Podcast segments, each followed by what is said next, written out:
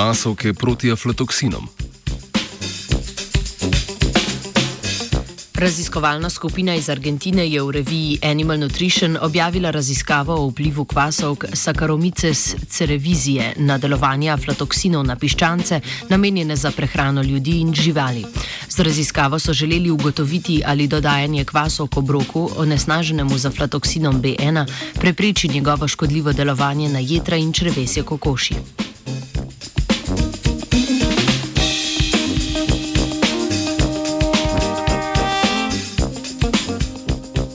Aflatoksini so produkt plesni iz rodu Aspergillus.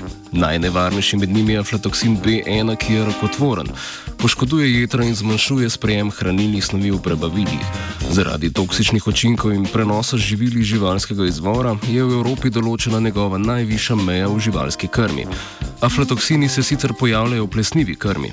Kvasovke se v krmi in prebavnem traktu vežejo na ta toksin in tako preprečijo njegovo delovanje.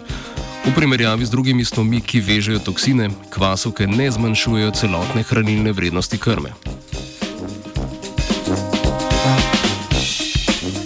V raziskavi so 100 piščancev starih en dan razdelili v štiri skupine. Kontrolna skupina je dobivala navadno krmo, druga skupina je poleg krme dobivala še kvasovke sakaromice z cerevizije. Tretja skupina je dobivala aflatoksin B1, zadnja skupina pa aflatoksin B1 in kvasovke. S takšno krmo so jih hranili 22 dni, potem pa so nekatere usmrtili in jim pregledali organe.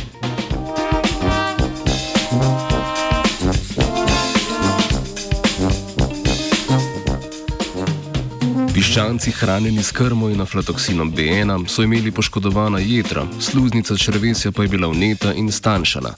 Takšnih sprememb v dodatku kvasov v krmo s toksinom niso zaznali. Preverjali so tudi prisotnost aflatoksina B1 v jedrih. Pri krmi z aflatoksinom B1 in kvasovkami je bilo tega toksina v jedrih znatno manj od količine toksina pri krmi brez kvasovk. Rezultati raziskave so pokazali, da dodatek kvasovke sakaromice z cerevizije zmanjša delovanje aflatoksina B1 na organizem kokoši, a ga ne neutralizira povsem. Kljub temu je lahko dodajanje teh kvasovk krmi onesnaženi z aflatoksini dober način boja proti njim.